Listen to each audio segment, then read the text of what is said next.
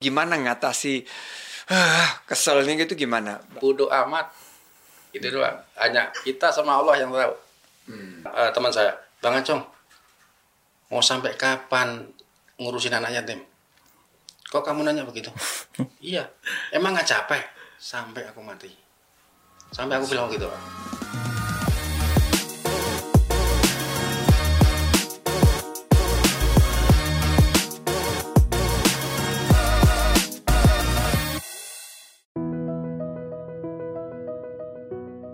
Sesuai aplikasi ya, diantar ke podcast Ruang Sandi.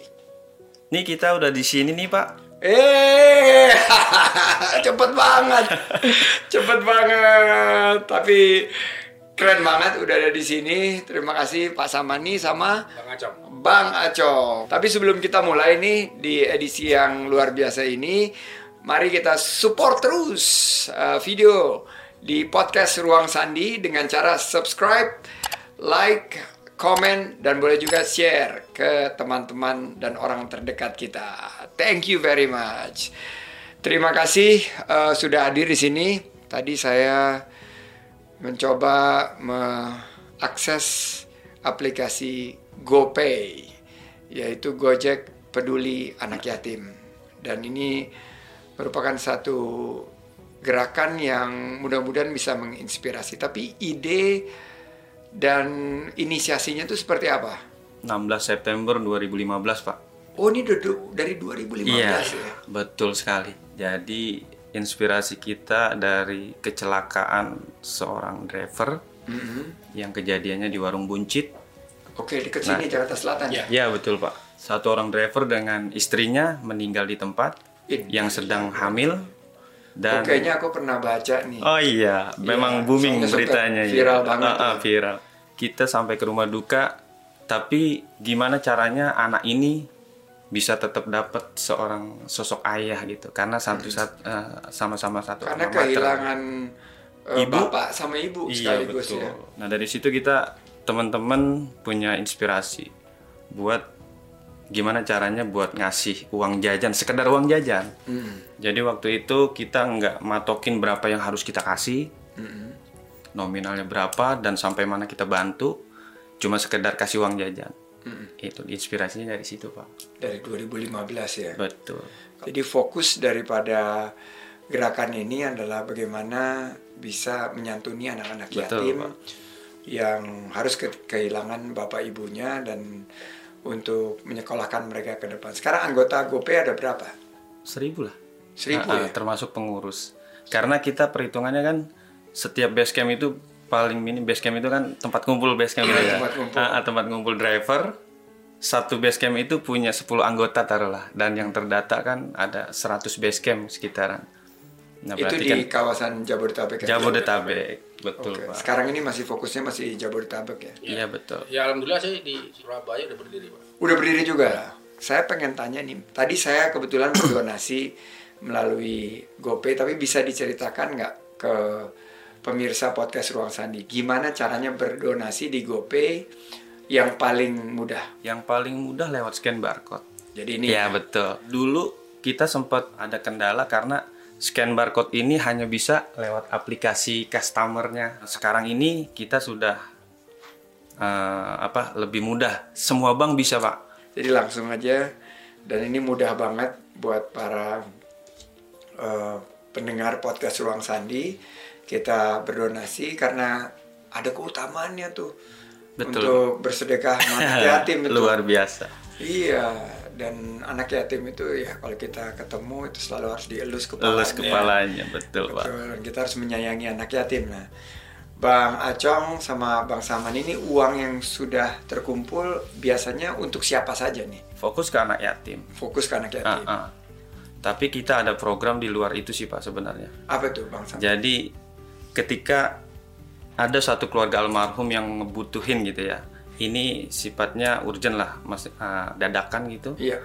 Dia misalnya nggak bisa nebus ijazah, ngambil ijazah di sekolahnya Iya. karena kekurangan biaya. Kekurangan biaya. Nah kita buat tim tersendiri tuh pak. Jadi kita bikin Masih di grup, bawah GoPay juga. masih di bawah bawah GoPay. Kita bikin grup sendiri dan situ di situ kita masukin orang-orang yang mau peduli dengan kegiatan pendidikan yatim. Baik. Nah, di situ baru. Anak-anak driver yang kecelakaan atau sekarang sudah terbuka bagi anak yatim yang? Khusus uh, anak-anak driver, Anak-anak driver. driver aja. Sebulan itu kita terima data baru paling banyak 3 sampai 6. di daerah Jabodetabek. Jabodetabek. Dan rata-rata itu karena kecelakaan. Heeh. Itu data Pak, tapi nggak anak ya. Nggak Jadi anak, ya. setiap data kakak, kakak masuk ke saya, Iya. itu kan satu kepala keluarga, ada yang tiga anak, ada yang lima Iya. anak. Jadi yang disantunin ya 3 sampai 5 Nah, anak. betul, betul. Nah, kalau Bang Acong sendiri gimana? Teman-teman sesama driver itu antusias nggak untuk ikut di komunitas GoPay ini? Sangat antusias sekali. Sangat antusias ya. Gimana pun juga, ya kita sebagai driver ya, kita nggak tahu maut itu di depan kita. Iya. Jadi eh, kita kalau kopdar selalu ayolah semangati tim Gopay. Gimana pun juga di dalam Gopay itu suatu saat nanti akan hadir di tengah-tengah keluarga kalian semua. Kalau Gopay dengan kita dukung. Nah di situlah motivasi teman-teman itu selalu menyemangati tim Gopay Pak. Jadi seprofesi ini ada persaudaraan, ada kekerabatan yang saling peduli ya. Sangat Jadi erat. sisi empati ini sangat erat ya. Betul, Pak. Dan kalau dilihat dan info yang saya dapat juga bahwa dari GoPay ini juga punya anak asuh ya. Betul. Dulu kita pernah kekurangan dana kan ya. Kita sounding ke mana-mana gitu kan. Nah ada kebetulan yang eh, mau ngebantu gitulah. Dia berbentuk yayasan. Programnya apa yang ditawarkan ternyata program orang tua asuh. Oke. Jadi gitu. Jadi setiap wilayah harus terima, eh harus kirim data anak yatim yang benar-benar targetnya pas gitu, yang harus benar-benar oh dia berhak menerima gitu.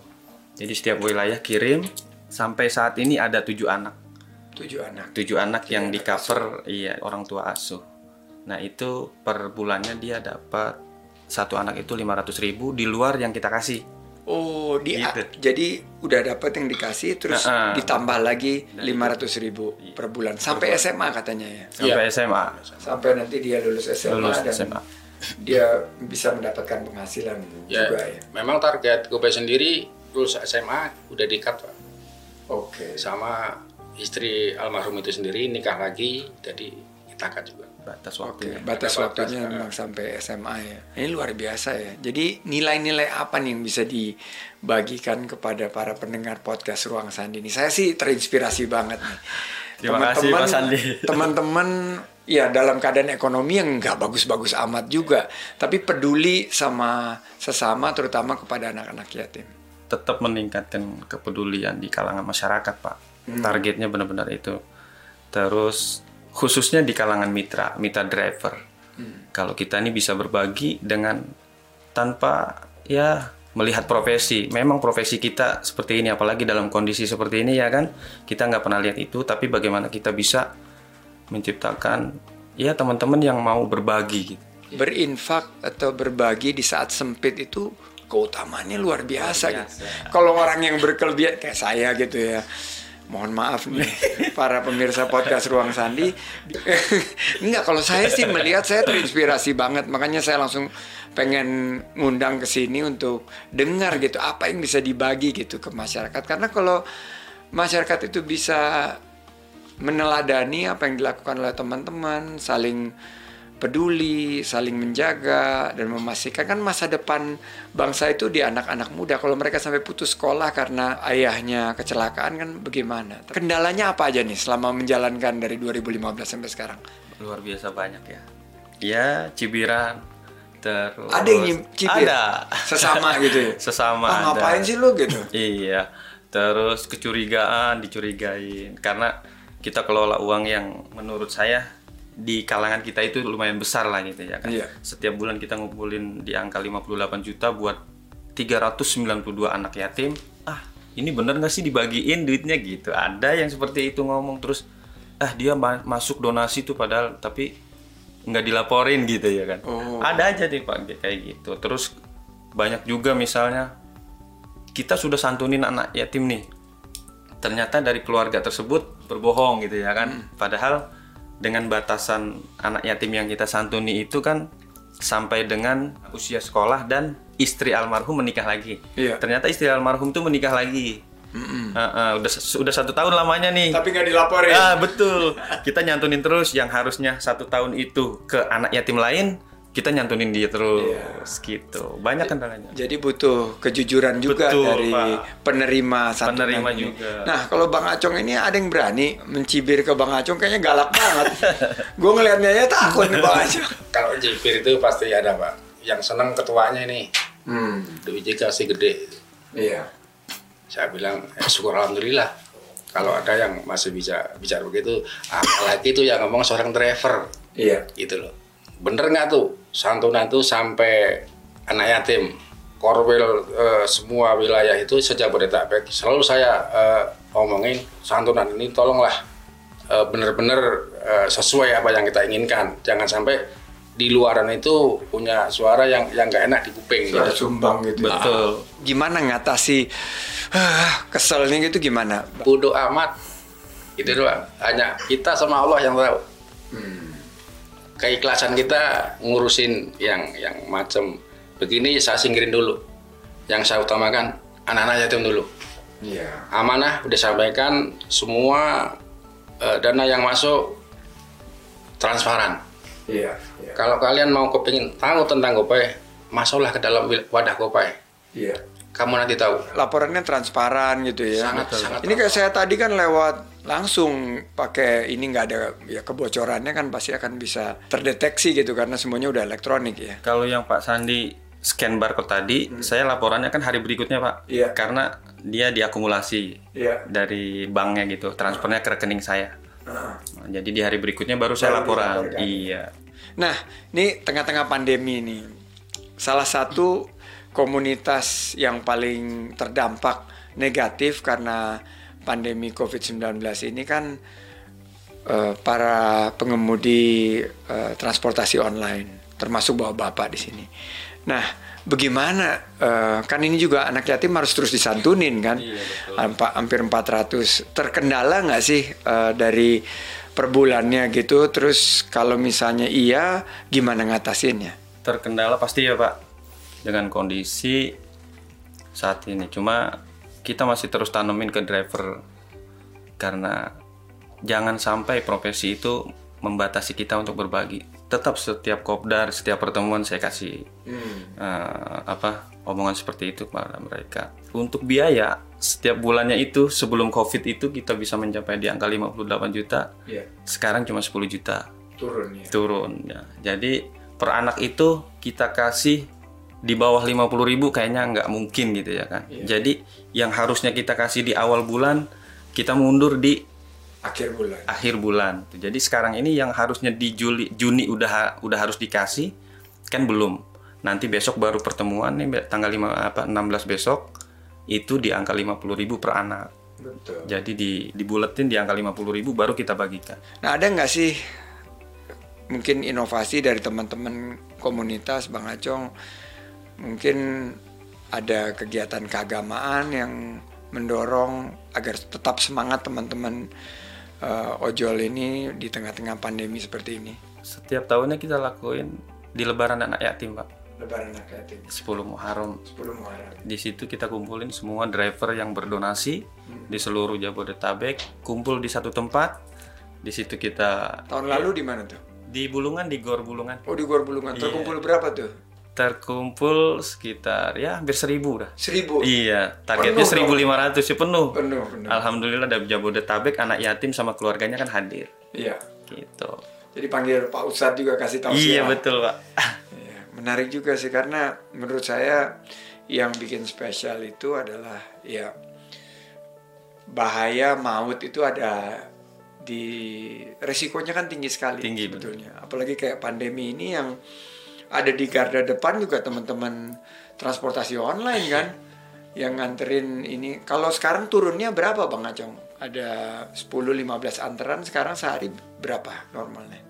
ada yang sehari dapat satu yang tadinya itu bisa 20 angkutan bisa 30 tarikan sekarang kalau untuk ya, kita nyari sehari lima aja udah sangat sangat susah sekali. Nah, tapi mereka nggak menyurutkan niat mereka berbagi ya itu. ya? Enggak, Betul, Pak. sama sekali. Itu luar biasa Luar bang. biasa, Mas. Saya juga ah, sampai merinding lah. Karena pengalaman saya pribadi nih, Pak. Satu orang driver chat saya. Mas, saya mau donasi. Setiap minggu ya, dibilang gitu. Oke, dibilang gitu. Lewat scan QR barcode ini. Saya tanya kan pendapatannya berapa gitu, nanya-nanya aja. Ya, sehari bisa 10, ba- eh, 10 angkutan lah. Kalau kita logikanya kan eh, 9.600 ya Iya. saya tahu. kan 96.000 ribu Iya. berarti dia berdonasi kadang ke saya ti- 30 ribu 40 ribu berarti dia bawa pulang ke rumahnya cuma 50 ribu nah itu yang bikin saya bulu saya pada membangun ah mereka aja tetap mau semangat saya yang cuma ngurusin Sepertiga loh ya, sepertiga dari pendapatannya. Jadi yang ngurusin itu juga tambah semangat iya ya. betul pak Nah pernah nggak ada penyalahgunaan eh, selama empat tahun ini dari baik penerima atau yang pengurus eh, menangani eh, santunan-santunan ini? Ada sih.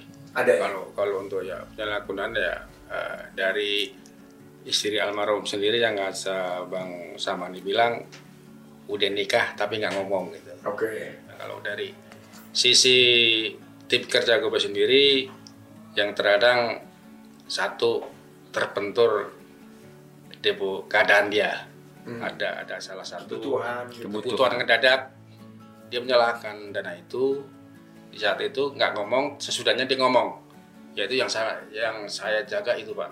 Dia ngomong ke saya langsung eh, dengan dengan dana itu belum nyampe tapi dia dipakai dulu. Saya marah sih nggak. Cuman nggak saya kasih kesempatan kedua kali.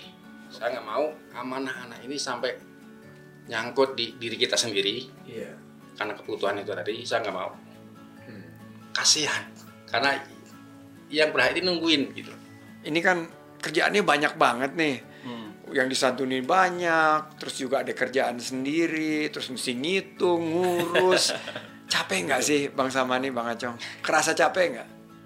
Eh, kadang ya pak lagi keadaan misalnya lagi jenuh down gitu udah udahlah kayaknya serahin aja sama yang lebih gitu yang lebih bisa ngurusin kadang saya ngomong sama beliau bulan besok saya live dulu lah gitu capek. Tolong cari kandidatnya gitu ya kan ya kalau sampean mau keluar ya keluar semua aja bilang gitu. Ya saya bingung jadinya. Beliau ngasih jawaban kayak gitu. Ya karena pengurus itu kan eh, adanya eh, adanya gope kan karena kita. Karena ada pengurus. Nah, jangan sampai pengurus itu goyah terus yang vital kayak bendahara mau keluar ya mendingan saya bubarin nah itu, nah itu yang saya jaga. Jangan sampai ini gope itu bubar. Gimana pun juga kita tuh udah dapat amanah. Itu Dan aja. yang menyemangati itu yang penerima santunan itu anak yatim sendiri ya. iya. Pasti terbayang-bayang di setiap kegiatan gitu muka mereka. Eh, jadi setiap wilayah kita kasih grup masing-masing pak. Grup khusus istri almarhum. Hmm. jadi kalau ada keluhan apa-apa itu di grup itu. Jadi korwil nanti yang menyampaikan Nah di situlah eh, komunikasi tim kerja gopay sama istri-istri almarhum ya di wadah gopay di di WA itu. Jadi nggak perlu harus kita setiap hari setiap minggu kita sambangin. Jadi di saat kita ngasih amplop itu doanya pak. Yang nggak putus-putus itu doanya pak. Itu yang insya Allah nggak nggak pasti diterima. amin. Pasti dijabah. Nah, Bang Samani nih, kan tadi Bang Samani bilang pernah ngerasa down dan segala. Untuk para pendengar podcast Ruang Sandi nih, gimana sih caranya memotivasi diri untuk bangkit kembali dalam keadaan merasa berat, merasa jatuh? imbalan pak kata nabi kan udah jelas anna wa kafilul yatim kahataini fil jannah itu luar biasa jadi kita nggak nggak cuma deket sama Rasulullah katanya tapi sekelas di surga satu kelas gitu loh. Satu ruangan. Kan siapa pun muslim itu pasti yang didambakan apa sih? Deket dengan Rasulullah. Satu ruangan. Nggak cuma masuk surga doang tapi satu ruangan. Luar biasa. Itu ibarat kalau di dunia kali tinggal di istana Pak Jokowi gitu ya. Nggak satu kamar, iya, satu kamar. kamar. Terus ada kejadian juga. Satu orang koril laporan ke saya ketika nganterin amplop. Anak itu langsung lari dari kamar manggil ayah. Ayah ayah gitu ya kan? Karena pakai alma mater gojek kan? Hmm, anaknya padahal itu umur ada. iya anaknya umur lima tahunan empat tahun lima tahunan. Luar biasa itu. Jadi apa sih yang nggak bisa memotivasi saya? Sadang kalau saya lagi down saya ingat ke situ. Bangkit lagi. Kalau dilihat nih kan banyak momen-momen kebaikan selama 2015 sampai sekarang. Ada nggak satu momen yang selain tadi itu yang Bang Acong nggak pernah lupa bagian dari perjalanan ini? di saat sekarang ini yang semua serba susah. Mau narik kadang-kadang nunggu order sampai 2-3 jam baru dapat. Tapi dia masih mau nyisihin. Mau nyisihin ya, 1000 2000 2000 untuk anak yatim. Itu penyemangat saya. Masya Allah. Eh, teman saya Bang Acong mau sampai kapan ngurusin anak yatim kok kamu nanya begitu iya emang nggak capek sampai aku mati sampai aku bilang gitu pak Masya Allah, luar biasa, luar biasa. Semoga para pendengar podcast Ruang Sandi ini terinspirasi. ya. Ini saat-saat sulit, di mana ekonomi terasa terjepit, pandemi ini membawa kita dalam situasi yang sangat sempit. Tapi Bang Acong sama Bang Samani ini bangkit, bangkit di saat sulit dan ingin memenangkan perjuangan ini dengan terus menyantuni anak-anak yatim. Ini di tengah obrolan yang betul-betul menginspirasi kita dan supaya agak rileks sedikit kita mau main games dulu. oke Main tebak-tebakan. Tapi sebelum kita main games, saya ingin mengingatkan untuk para pendengar podcast Ruang Sandi untuk support terus video podcast di Ruang Sandi dengan cara subscribe, like, comment, atau share ke teman-teman terdekat, ke saudara-saudara kita, dan juga kepada para anggota dari GoPay. Semoga makin banyak anak yatim yang tersantuni. Nah, games ini mudah banget dan terlalu mudah buat Bang Samani sama Bang Acong. Kita akan main tebak-tebakan. Sudah siap, Bang Samani? Bang Acong, ini mudah sekali buat Bang Samani, Bang Acong. Kita akan menebak nama daerah di Jakarta berdasarkan potongan gambar yang kita lihat di screen. Kita akan menampilkan satu tempat. Saya akan berikan kesempatan tim Bang Acong dan Bang Samani saya sebut sebagai tim GoPay dan tim sebelah Sandiaga Salanuno saya sebutkan tim PayPay. Bayar dan bayar.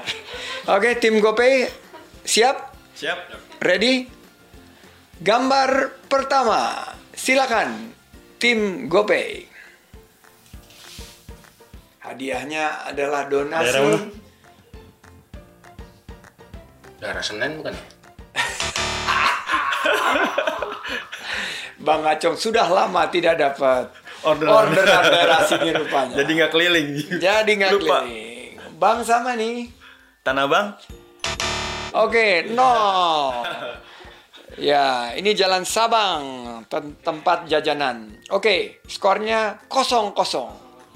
Ternyata kita bisa menebak gedung. Nah, ini adalah gambar berikutnya. Saya memberikan kesempatan kepada tim Gopay. jalan Surabaya D2. Ini sih gampang banget ikonik. Skor 1-0. PP tertinggal. Satu gol. Kesempatannya kepada saya. Kelihatannya ini merah-merah ini kayaknya tempatnya di Pancoran. Yaitu di kota. Dekat tempat menjual ornamen untuk Chinese New Year. Petak 9, Pancoran namanya. Itu namanya pancoran, bukan pancoran yang di sana yang gedung ini, tapi ini daerah namanya pancoran. Ya betul, petak 9. Skor 1-1 terkejar Gopay. Oke, beruanya. Silakan. Oh, ini sih gampang banget. apa Gablok. Gampang. Iya, betul. betul banget karena saya baru dari sana. Ini pasar kembang Rawabelong. Skor 2-1. Gopay kembali leading. Pay Pay struggling. Depannya ada ondel-ondel lagi. Ini satu babakan bukan? iya Iya. Skor 2 sama. Dan akhirnya gambar terakhir ini kegampangan lah. Ini kalau nggak bisa mah gambar terakhir. Iya, betul skor 3-2. Dan karena ini memang kita menghormati tamu dan memang menjadi satu kehormatan bagi kita kedatangan Bang Acong dan Bang Samani tim Gopay mengalahkan tim PP. Dan untuk itu saya akan berdonasi tapi mudah-mudahan menginspirasi para Amin. pendengar podcast Ruang Sandi. Nah, ini pertanyaan penutup sebelum kita akhiri sesi kita. Apa sih yang Bang Acong dan Bang Saman ini dapat dari gerakan Gopay ini? Gerakan peduli anak yatim ini. Kepuasan kayaknya. Ketika ya contoh kecil tadi. Ketika dia nggak bisa bayar buat bayar apa? Nebus ijazah, kita bisa bantu di situ. Tapi bukan kebanggaan, bukan. Tapi kepuasan hati tersendiri gitu loh. Oh ternyata dengan kekurangan saya, saya masih bisa sedikit membantu mereka. Kalau dibilang puas, saya dibilang puas sih enggak. Umur saya udah 50. Alhamdulillah masih dibutuhkan banyak orang. Itu suatu buat saya pribadi sangat-sangat bersyukur. Karena selama ini kalau kita lihat ke belakang dengan apa yang kita perbuat kita juga nggak tahu. Tapi dengan adanya saya tutusan dengan adanya GoPay ini buat saya pribadi sangat-sangat bersyukur jalan keluar saya untuk menebus dosa saya itu aja sih Khairunas anfa'ahum Linas. linnas. Sebaik-baiknya manusia adalah manusia yang bermanfaat dan hari ini saya melihat Bang Samani dan Bang Acong betul-betul bermanfaat. Saya akan sampaikan kepada bos-bos Gojek kebetulan teman saya semua, Pak Komut, Amin. Boy Tohir dan Pak Andre dan semua Pak Nadim itu kawan saya semua. Ini luar biasa apa yang dijalankan oleh teman-teman GoPay dan GoPay itu sendiri sebetulnya sudah menjadi unit yang sangat besar. Tapi GoPay yang lain ini kalau ini Iya. GoPay yang menurut saya akan lebih besar lagi karena peduli anak yatim. Kepedulian kepada anak yatim itu balasannya jannah. Balasannya di surga bersama Rasulullah Sallallahu Alaihi Wasallam. Terima kasih, terima kasih dan terima kasih sampai merinding banget ini. Salam untuk pengurus yang lain dari Terakhir GoPay. boleh, Pak Sandi? boleh, boleh, boleh banget. saya mau cerita. Eh, dulu 27 April kalau nggak salah 2016. 2016. Iya betul. Saya ngojek ke Istiqlal. Tujuannya adalah nonton seminar Pak Sandi. Oh. Ingat nggak Pak Sandi ya? Eh, dompet Sama dua Pak. dompet duafa. Iya betul. Saya datang telat. Datang telat. Terus di Minggu ah- itu? Iya minggu. Di akhir itu kan Pak Ipo Santosa kan Iya. lelang Quran tuh. Iya. Ada dua keinginan saya, doa saya di hati saya itu. Pengen punya Al-Quran itu di harga 7 juta itu, tapi nggak kesampaian sama ketemu Bang Sandi hari itu. Bisa nggak ya ngobrol gitu sama Bang Sandi? Tapi Allah ijabah hari ini, ya Allah, ya Allahu Rabbi. Akbar. Amin. Amin. Ya, Terima kasih ya, Bang Sandi. tertunda, Tertunda 4 Empat tahun, tahun. lebih. Tapi Alhamdulillah. Bang Samani sekarang kita dapatkan. Nanti saya ngomong sama Ipo.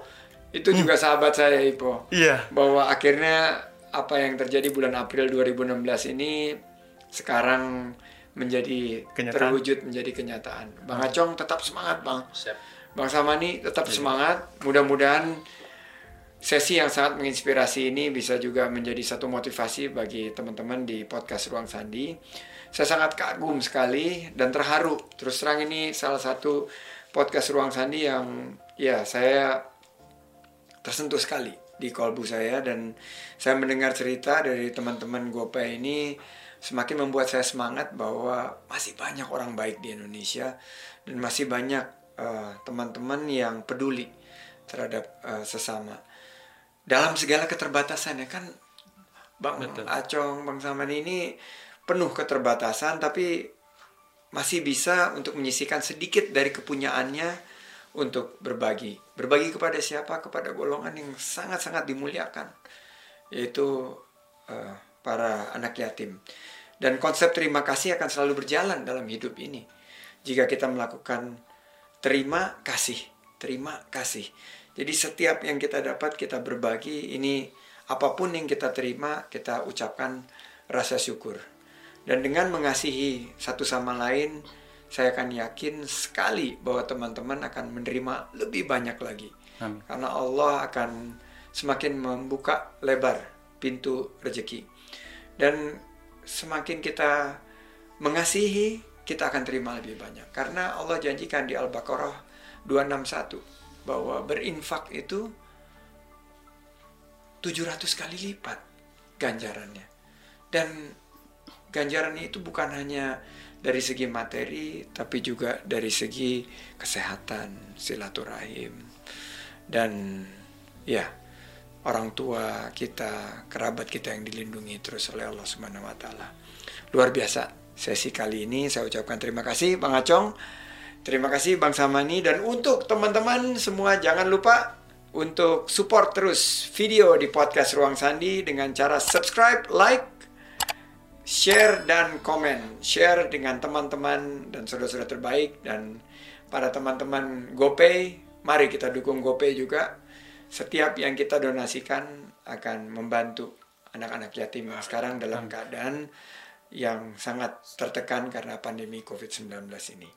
Saya ucapkan sekali lagi terima kasih. Good vibes only, hanya positif pesan yang kita sampaikan dan kita tutup untuk pertemuan di podcast Ruang Sandi berikutnya dan kita tutup dengan ucapan hamdalah. Alhamdulillah. Alhamdulillahirabbil alamin dan kita tutup dengan foto-foto Oh, selfie.